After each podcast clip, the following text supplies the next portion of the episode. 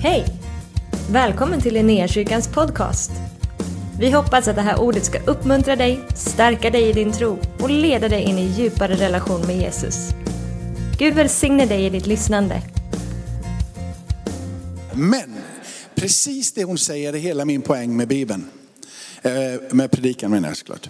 Eh, och med Bibeln för övrigt. Men så här, att det hon sa här var egentligen så här. Bibeln är central i hennes liv därför att Jesus är verklig för henne. Jesus har mött med henne, Jesus är här i hennes liv. Och hon säger att Jesus säger att den här skriften är viktig, alltså blir skriften viktig. Och hon refererar då inte till det som är evangelierna. För de handlar ju om Jesus. Han dör och han uppstår och sen så kommer evangelierna till. Utan det som Jesus refererar till är ju hela gamla testamentet. Det är ju det som är den skriften som Jesus läste, den som han var i. Och det är den som han bekräftar. Och det betyder ju att även hela Bibeln blir ju intressant. Inte bara evangelierna och epistlarna, alltså det som Paulus och övriga författare skriver, utan hela, hela, hela skriften blir avgörande och väsentlig. Jag ska försöka bygga, den här, bygga ihop den här predikan på fyra stycken punkter. Vi tror på Bibeln för att Jesus är verklig för oss. Vi tror på Bibeln och förhåller oss till Bibeln för att Jesus undervisar ifrån skriften. Bibeln, där den är skriven så att vi kan tro. Och Bibeln, det är Guds ord till oss, är ande och liv. Men vi läser två stycken bibeltexter här i början. Vi kan låta den andra sen ligga uppe. Men så här, att Guds ord från Hebreerbrevet kapitel 4, vers 12 och 13. Ehm, och sen ska vi läsa ett från eh, Thessalonikerbrevet också. Guds ord är levande och verksamt. Det är skarpare än något tvegat svärd. Det genomtränger till sig skiljer själ och ande, led och märg. Och det dömer över hjärtats uppsåt och tankar. Inget, är skap, ska, inget skapat är dolt för honom, utan allting ligger naket och blottat för hans öga. Och inför honom måste vi tå, stå till svars för. Och ifrån första Thessalonikerbrevet kapitel 2, vers 13. Därför tackar vi alltid Gud för att ni tog emot Guds ord som vi predikar och tog det till er, inte som människors ord, utan så som det verkligen är. Guds ord som är verksamt i er som tror. Ett ord som är verksamt i er som tror. Nyckeln till att det ska vara verksamt är ju att man tar emot ordet. Det är det som står här. Va? De tog emot ordet.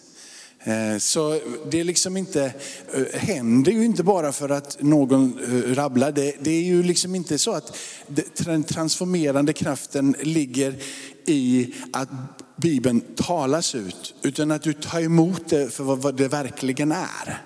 När du sätter din tilltro till han som mästare, han som herre och du tar emot det som ett ord ifrån Gud. Så ger du också ordet dess auktoritet, dess rätta plats. Du låter det få bli formativt på din insida. Du låter det få landa och du låter det få bli ett med dig. Du idisslar på det, du tuggar på det, du mediterar över det, du funderar över det. Vad finns det för någonting i de här orden som kan vara transformerande, formativt? Vad är det i det som kan hjälpa mig att bli lik Kristus? Ordet som förmedlas inom skriften är inte information. Det är inte eh, en, liksom en, en informativ berättelse. Bibeln försöker ju aldrig bevisa Guds existens. Bibeln utgår ifrån Guds existens. När Bibeln skrivs, så på, på ett plan så skrivs det ju inte för att övertyga. På det sättet, evangelierna försöker ju förmedla vad som har hänt. Det är ett vittnesbörd. Det talar om detta har hänt. När Lukas skriver inledningen till, till sitt evangelium och även i inledningen till eh, apostlagärningarna som också skrivit till, så skriver han, detta är eh, vittnesmålsberättelser. Detta har jag försökt skriva ner till er i ordning med tillförlitliga källor för att ni ska kunna ta det här till er. Min predikan idag handlar inte om att på ett, för ett historiskt perspektiv övertyga dig om att Bibeln är Bibeln. Eller försöka ta fram Eh, arkeologiska bevis som talar för dess existens och dess uppkomst. Utan egentligen, jag, jag, jag utgår ifrån att det här är Bibeln given till Gud, från Gud till oss. Ett ord ifrån honom. Så vill du söka liksom historiska eh, dokumentationer och bevis för det, så är inte den här predikan, utan jag utgår ifrån att det här är Guds ord, livsformande. Jag har mött med Jesus så det blir verkligt för, för mig. Så om du går tillbaka, första punkten, vi tror på Bibeln för att Jesus är verklig för oss. I första, eh, eller prologen till, till Johannesevangeliet, inledningen till Johannesevangeliet, så säger det att eh, i begynnelsen var ordet och ordet var hos Gud och ordet var Gud. I vers 14 sen står det senare att han blev kött och bodde mitt ibland oss. Ordet kommer ifrån Gud, ordet är, är Gud. Jesus på det sättet genom hela sin vandring sen sätter en auktoritet på sina egna ord.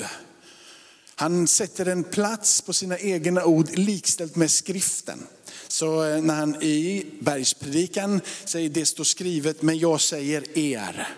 Så sätter han sig på en position där han säger att de här orden är den levande Gudens ord. Det är ord som är formativa, det är ord som leder, det är ord som ger, det är ord som föder. Och så säger Jesus vidare att det som jag säger jag är, börjar han med att säga, är livets bröd. Jag är livets bröd. Han säger att det här brödet har kommit ner ifrån himlen, nu är Johannes 6.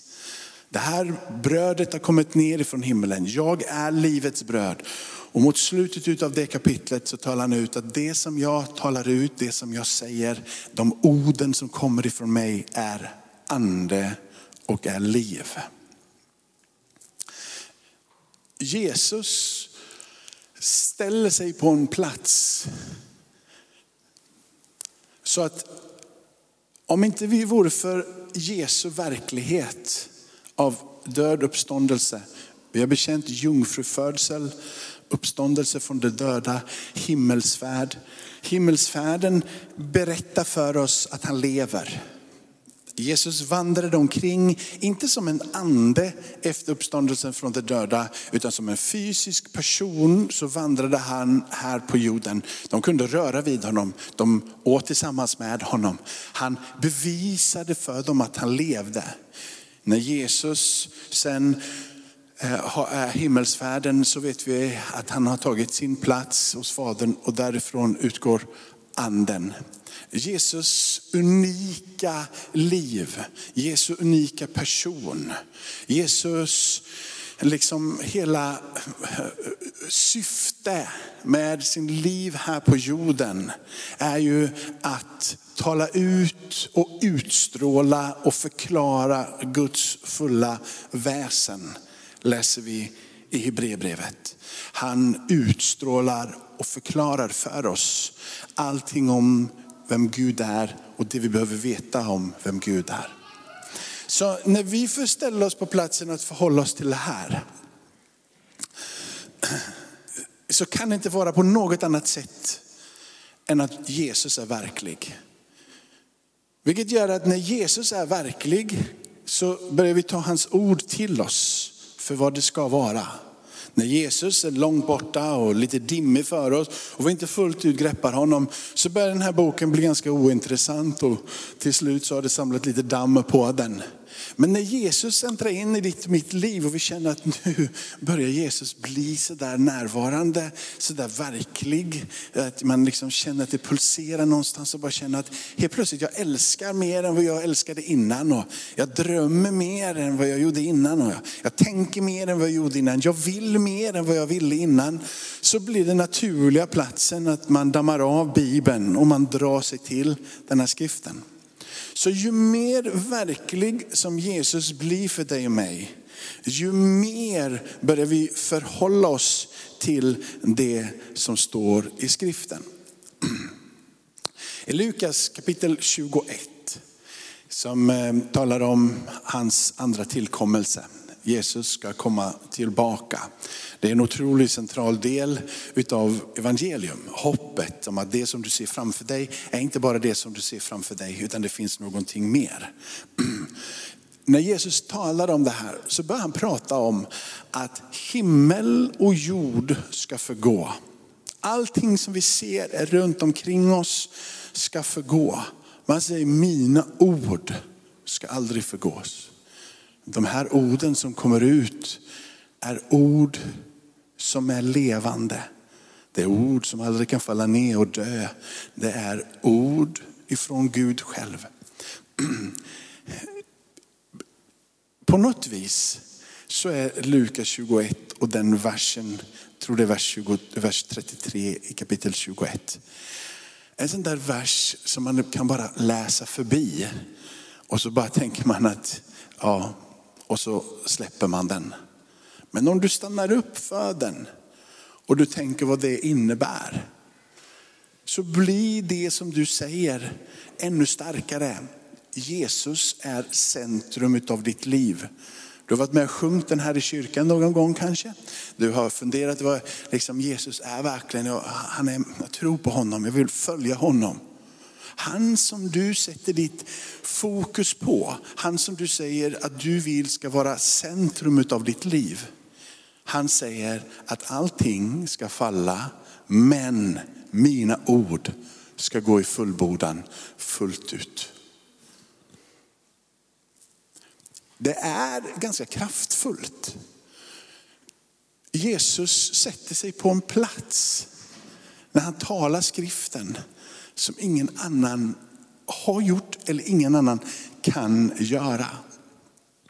Han kommer ifrån Gud och han talar ut Guds ord. Därför så kan vi inte förhålla oss till den här boken på något annat sätt. Jesus är verklig, därför så tror vi. När Jesus i bergspredikan säger det står skrivet, men så säger han jag säger er. Så höjer han nivån ytterligare. Han proklamerar ut att det står skrivet och det är sant. Och allting som står i lagen om mig, ibland profeterna, allting ska gå i fullbordan. Men jag säger er, att ta en plats nästan över det ordet som vittnar om honom själv. Han talar ut att det som är skrivet om mig ifrån första Mosebok och genom hela lagen. Och när han pratar om lagen och profeterna så menar han hela den skrift som på den tiden då kallades, eller det som vi idag kallar för gamla testamentet.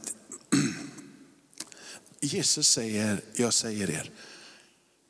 Om Jesus säger de orden, jag säger er, så kan ju inte vi förhålla oss till något annat sätt, annat sätt än att ta emot dem för vad han säger att det är.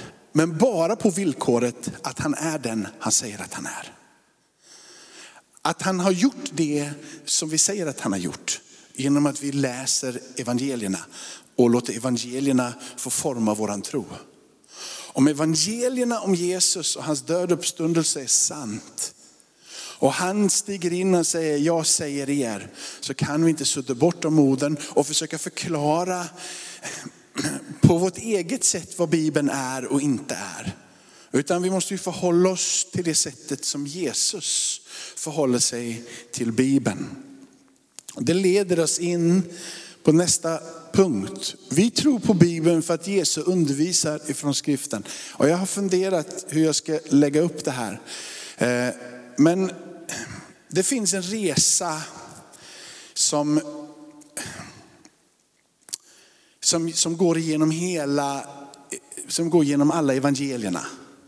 Där, där Jesus citerar skriften. Han talar utifrån Jesaja och han nämner profeter som Elias och Elia. Han talar om Noa och han talar om karaktärer som är centrala figurer i gamla testamentet såsom kung David. Han eh, pratar om Salomos prakt. Han eh, förklarar saker som händer och kopplar dem till personer i gamla testamentet. Han eh, talar och innesluter från det som han säger Abels blod till Sakaja blod. Det är resan ifrån första Mosebok till andra krönikeboken. Hela det merparten utav det som får vara de historiska skrifterna. Det som förklarar resan som Gud har gjort med Israels folk. Han säger, där i, där har du förståelsen. Där i hämtar vi ut det som pekar emot mig. Och så säger han att allting det som innefattas i lagen och profeterna och skrifterna pekar på vem jag är. Jesus, när han möter motstånd, när han blir frestad av djävulen så citerar han skriften. Och jag har redan nämnt det som händer i Matteus evangeliet kapitel 5, kapitel 6, kapitel 7, bergspredikan. Hur han återkommande citerar och talar därifrån och säger, så säger jag, eller jag säger er.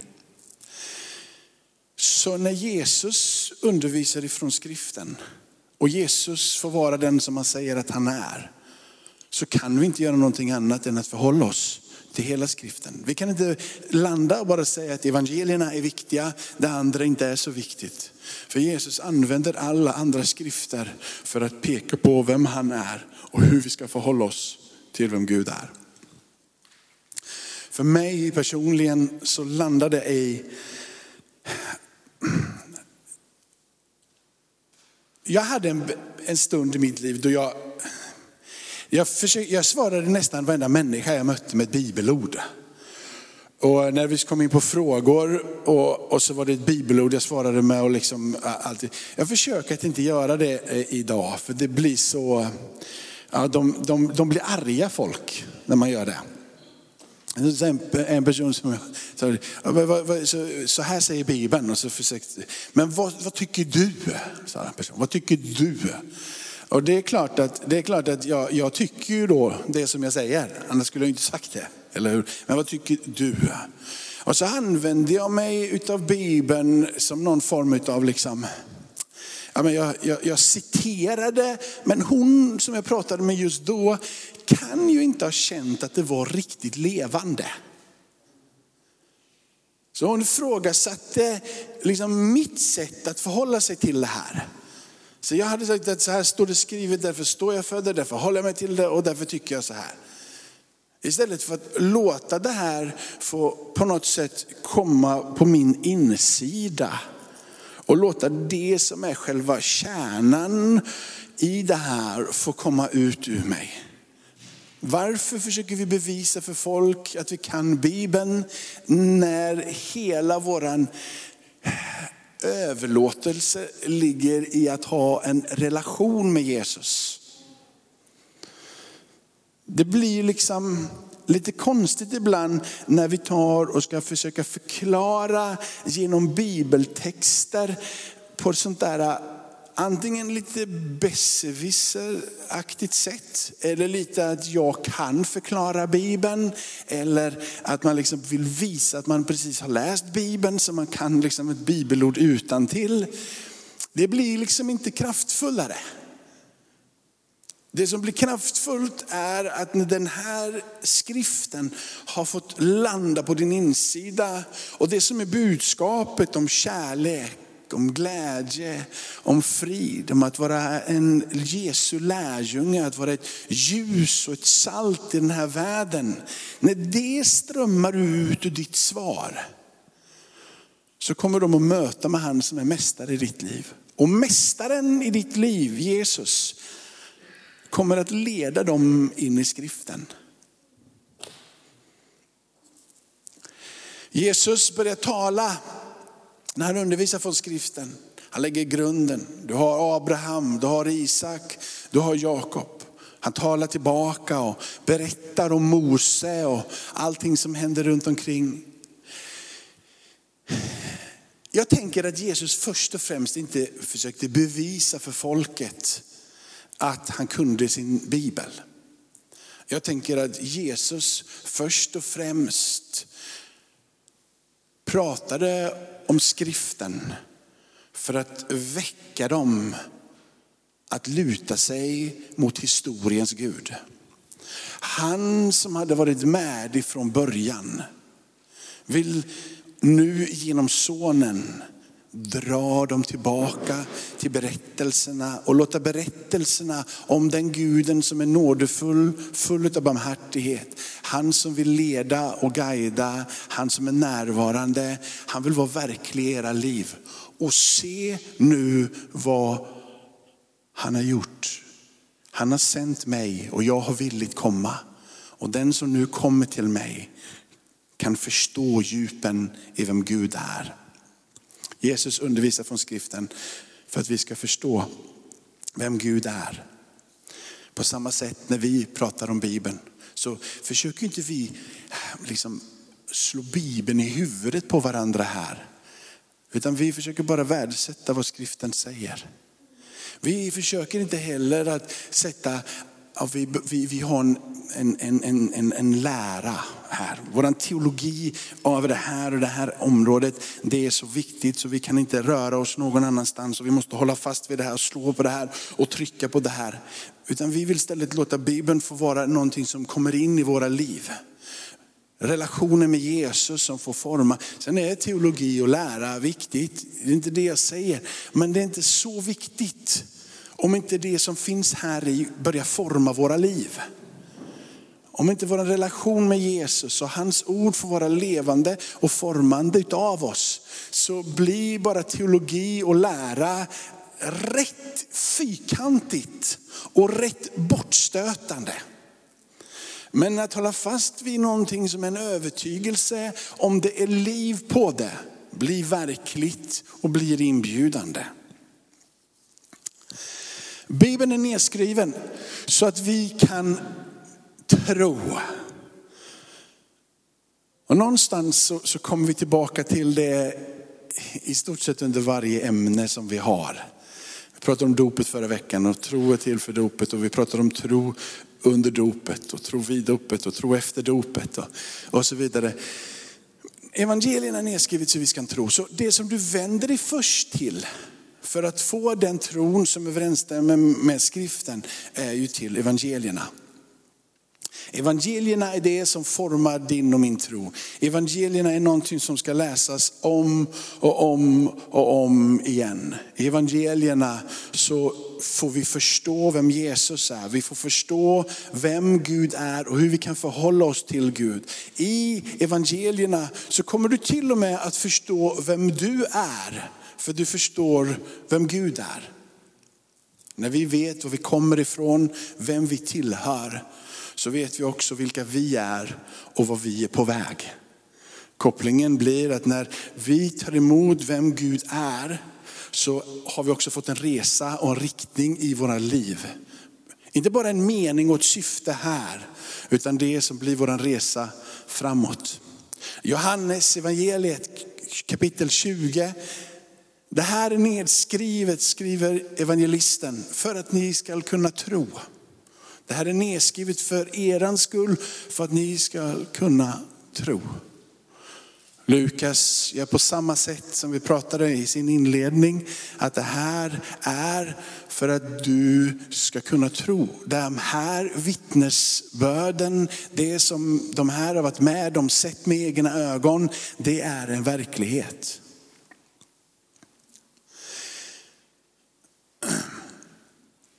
När Paulus skriver sina brev, speciellt kapitel 15 första Korintierbrevet, så refererar det till att för att detta skulle ske enligt skrifterna, han pekar tillbaka på skrifterna och i samma verser där så pratar han om de, dessa som fortfarande lever, som har sett honom, som har vandrat runt omkring honom och varit närvarande. Det är nedskrivet för att vi ska tro, tro, nedskrivet för att vi ska förhålla oss till skriften på ett autentiskt, dynamiskt sätt. Inte som en berättelse långt borta, utan en berättelse som vill tränga nära. En berättelse som ska få komma in. En berättelse som var formativ och livsförvandlande för dem som vandrade och fick uppleva och se Jesus. Men också idag livsförvandlande berättelser som formar dig och mig på djupet. Evangelierna ska tas emot och därifrån så lär vi oss att tro. Det är ett mirakel ibland. Man hör berättelser om till exempel från länder där inte Bibeln är så vanlig, hur folk har haft drömmar om Jesus och vänt sig till Jesus och sen senare hittat en bibel och fått läsa om det. Evangelierna är skrivna efter Jesu uppståndelse. Obviously. Men Jesus dör en verklig död. Och vittnesbörden som är nedskrivna om vad Jesus gjorde, undervisningen som Jesus hade, berättelserna om hans under, hans helande, hans mirakel, har levt vidare. Ganska snabbt så är det en litet, litet gäng som blir väldigt, väldigt, väldigt många. Det går liksom ganska snabbt när anden blir utgjuten och Petrus predikar på pingstdagen så har du någonting som händer. 3000 blir lagda till församlingen, döpta på ett enda nu. Det Petrus gör igen, det är att han reducerar det som har hänt i gamla testamentet och talar om han som skulle komma. Och så säger han, nu har han kommit, nu har han stigit in i världen och nu har han dött och nu har han uppstått ifrån de döda. Det är därför som vi är här idag. Det är därför som vi är här idag. Han tar det autentiskt levande vittnesbördet om vad Jesus har gjort i hans liv, vad Jesus har sagt och förklarar skriften utifrån Jesu liv. Helt plötsligt så säger folket som är där, vad ska vi göra? Hur tar vi emot det här? Hur blir vi en del av det här? Låt det döpas. Petrus tar skriften, förklarar skriften. Och vad händer? Tro väcks till liv. Bibeln är nedskriven för att du ska tro. Och när du tar skriften till dig så formas din tro. Så vi behöver lära oss berättelserna om Jesus i evangelierna för att vi ska kunna få den tro som Gud vill att vi ska ha. Du möter ute i världen så många olika idéer, filosofier, tankar, hur man har olika värderingar i olika samhällsskikt. Man pratar om liksom, medmänsklighet som om att inte det fanns i kristen heten. Man pratar om liksom allas lika värde som om att inte det finns i kristenheten. Man pratar om humanismen som om att, och så, men det som händer i Bibeln och det som framgår är att man ser hur Gud värderar människor lika. Genom att man läser evangelierna. Man ser hur Jesus möter alla människor från alla olika samhällsskikt, olika inriktningar, rika, fattiga, hur de som inte får vara med helt plötsligt får vara med. Och de som trott att de alltid har varit med och är i centrum av allting frågasätter han varför gör ni? Helt plötsligt så ser man att det som är evangelierna och berättelsen om Jesus formar vår innersta människa, våra värderingar. Hur vi tänker som människa, hur vi tänker om andra människor och ytterst sett hur vi tänker om vem Gud är. Det sker genom evangelierna. Det är nedskrivet för att du ska tro, bli frälst. Men det ligger där i evangelierna en transformerande kraft som formar dig och mig. Hela skriften är utandad av Gud den är nyttig till undervisning, till bestraffning, till upprättelse, fostran i rättfärdighet. Det är Paulus som skriver till Timoteus. Petrus skriver så här. Framförallt ska ni veta att ingen profetia i skriften har kommit till genom någon egen utläggning. Ty ingen profetia har burits fram genom någon människas vilja. Utan ledd av den helige ande har människor talat vad de fått ifrån Gud. Hemligheten egentligen med ditt med din och min relation med Gud ligger inte i hur mycket du säger till Gud, utan egentligen hur mycket du lyssnar till Gud. Djupet på din relation ligger inte i hur många ord du kan säga när du ber. Och hur långa rabblingar du kan göra och hur mycket du ska förvandlas när du ber. Liksom för att du säger orden. Utan det ligger i att lyssna in vem han är. Bönen handlar väldigt mycket om att lyssna. Evangelierna handlar inte om att du ska försöka fånga det, att du ska försöka förstå det, att du ska liksom känna att du äger det. Utan det handlar om att han i sin nådefull omsorg om dig och mig har väckt några ledare inom kristenheten, ledda utav Gud och skrivit ner saker och ting ifrån Gud till dig och mig. Utandade utav Gud. När vi tar emot det på det sättet in i våra liv så händer någonting.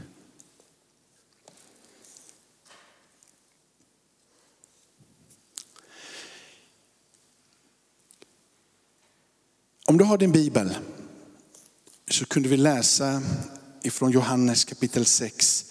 Om du är sjukt snabb, Patricia, så skulle du kunna ta Johannes 6 och, 30, 6 och 33, 6 och 51. 6.33, 6.51 och 6.63. Är du så snabb? Vi väntar in henne, jag tror det.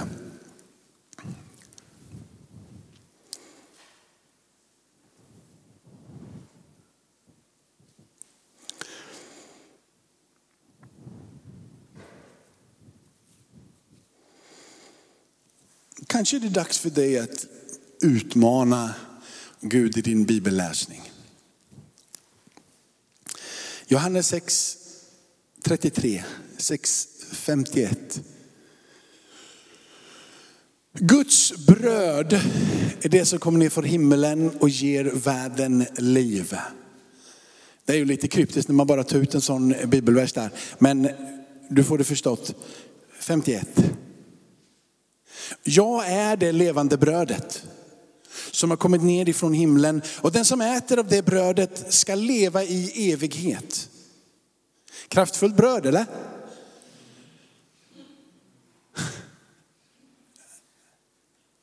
Gå tillbaka en sekund till. Och så förklarar han. Och brödet som jag ger är mitt kött. För att världen ska leva. Hans död och hans uppståndelse. 63. Det här brödet, det är anden som ger liv. Köttet hjälper inte. De ord som jag har talat till er är ande och liv. Tänk om du skulle kunna få utmana Gud. Bara säga, är det på det här sättet? Är det på det sättet att jag inte behöver fatta vad jag läser? Tack Jesus. Är det på det sättet att jag inte behöver liksom läsa igenom hela Bibeln för att vara riktigt frälst? Liksom, tack Jesus. Är det på det sättet att jag inte behöver lära mig en del bibeltexter utan till för att jag ska liksom må bra med dig Gud? Tack Jesus. Utan bara säga om det är på det sättet att det här ordet är levande när jag läser berättelserna om att du dog och att du uppstod. Att du är det brödet som har kommit ner från himmelen. När jag läser om dig som det där brödet som ger ande och liv. Om det är på det sättet att det kan ge mig liv. Låt det få vara på det sättet. Så när du läser en berättelse om Jesus ifrån evangelierna, istället för att försöka komma ihåg berättelsen, Tänk att det är Jesus som är berättelsen. Och när du läser om honom, bara landa i att jag läser om han som ger ande och liv. Jag läser om han som har kommit ner ifrån himlen. Jag läser om han som är det brödet. När jag äter av honom så tar jag emot liv ifrån Gud. Det blir ett sätt att förhålla dig till den här boken som jag tror kommer att förvandla ditt liv. För du behöver inte varje gång du har läst att jag fattar inte detta, hjälp mig att fatta detta. För ibland så kan du kanske ha mött det när du inte riktigt förstår. Det har i alla fall hänt eh, mig. Och när jag då får förhålla mig till det som levande och verksamt så blir jag ju så avslappnad för jag bara känner att om det är på det här sättet så kommer jag förvandlas av den här boken. Jag kommer förvandlas av den här skriften. För de talar om han som är det levande brödet. Vi läste från första texten, från första, eh, från första Thessalonikerbrevet också. Hemligheten ligger här i det som jag nu har talat ut i några korta minuter. Därför tackar vi alltid Gud för er att ni tog emot Guds ord som vi predikade och ni tog det till er.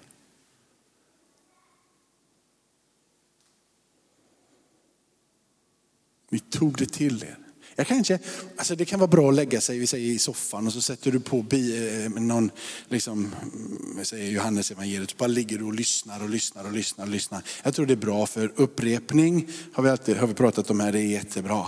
Men kanske är det bättre att du öppnar Bibeln ibland och bara läser en bibelvers och känner att mm, den här kommer ifrån Gud till mig idag.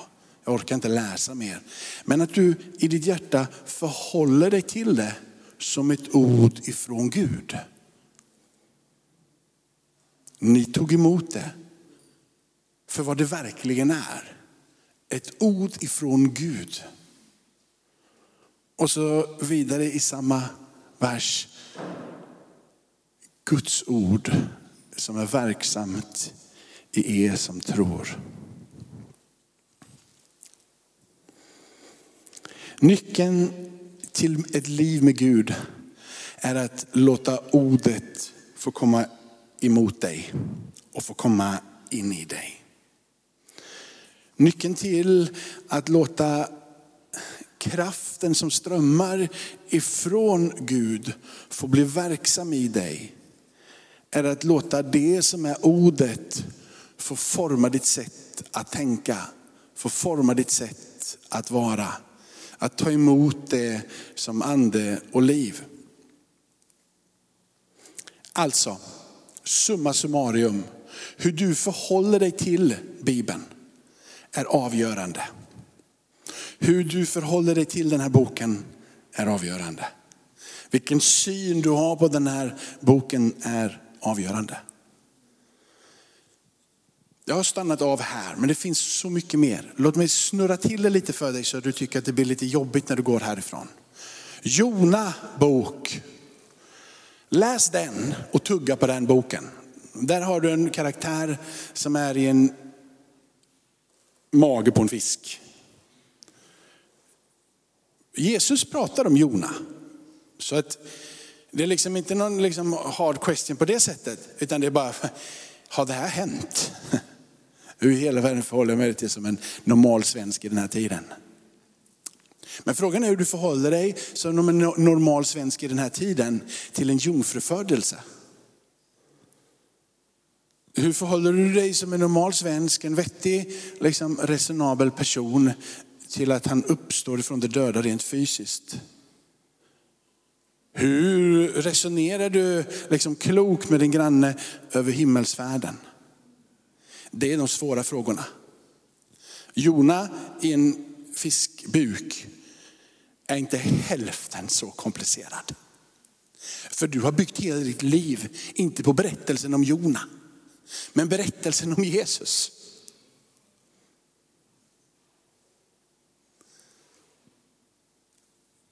Räta inte ut Jona innan du har rätat ut Jesus. Liksom.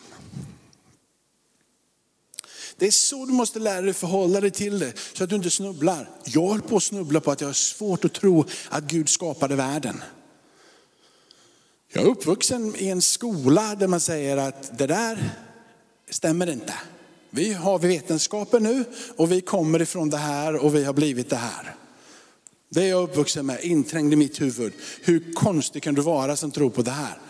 Och du vet att sätta sig ner där och bara, nu ska jag minsann tro på det här. Nu ska jag tro på det, för det står skrivet här i. Oh, vad jag ska tro på det här. Och så fick jag kämpa. Hände inte speciellt mycket till det.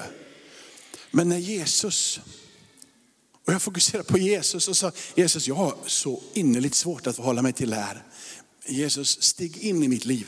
Jag tror att du är den intelligenta designen. Jag tror att det kommer ifrån dig, att det utgår ifrån dig, att det liksom ligger där. Det tror jag på. Men när det kommer till hur jag ska förhålla mig till första Mosebok här, det, alltså, jag, jag, jag klarar inte av, jag, jag får inte ihop det.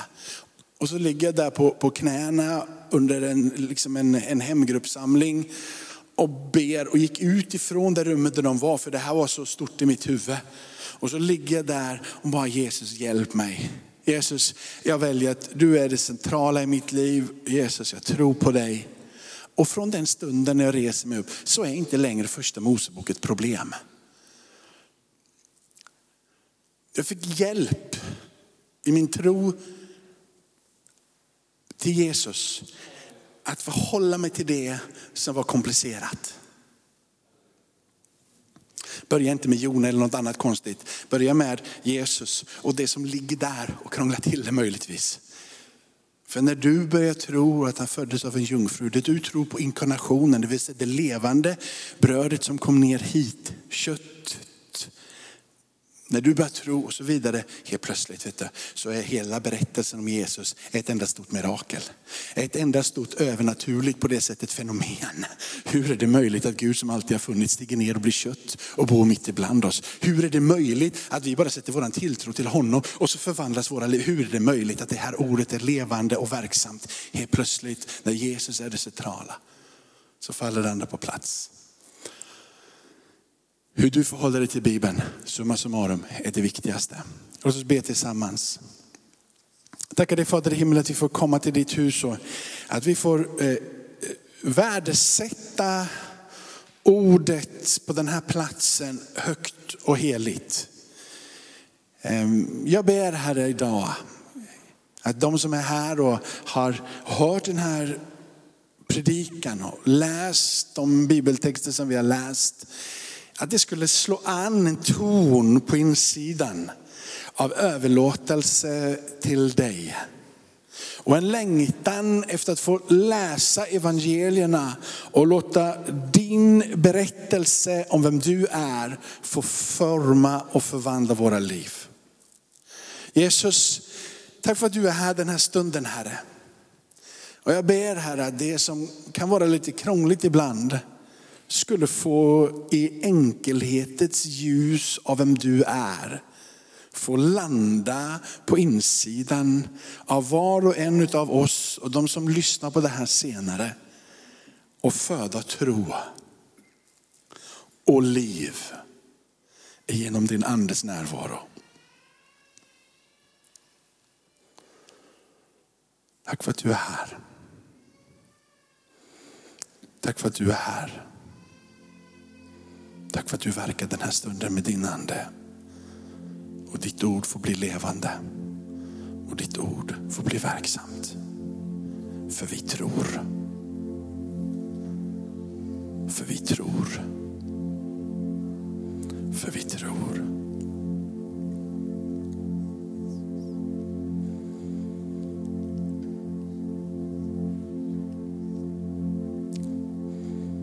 Om du är här och du inte har tagit emot Jesus som frälsare så är det ett ypperligt tillfälle att säga ditt ja till Jesus. Jesus, kom in i mitt liv.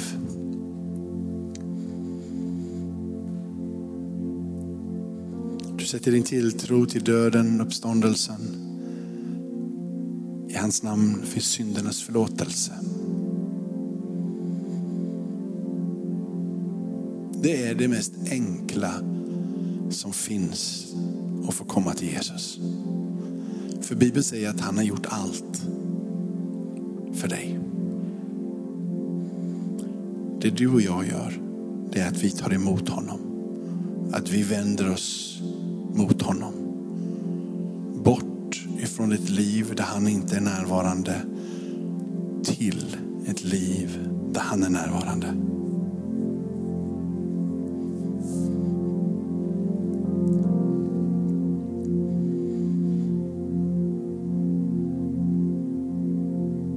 Kanske är den här stunden en tid för dig att bestämma dig för att på det här sättet vill jag förhålla mig till Bibeln. Att det är ande och det är liv. Det är så jag vill att det ska vara. Jag, kanske har du kämpat länge med att försöka förstå. Kanske har du kämpat länge med att försöka, liksom, nu ska jag minsann greppa det här. Kanske är det här en profetisk hälsning till dig. Att istället ta emot ordet.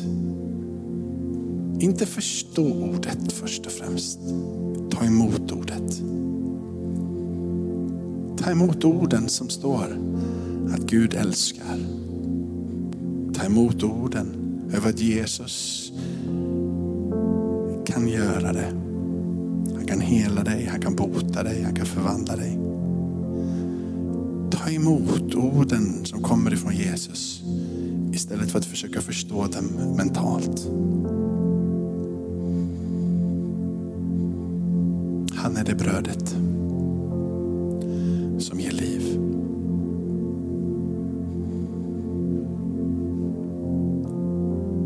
Ska vi stå upp tillsammans och så sjunger vi några sånger här på slutet.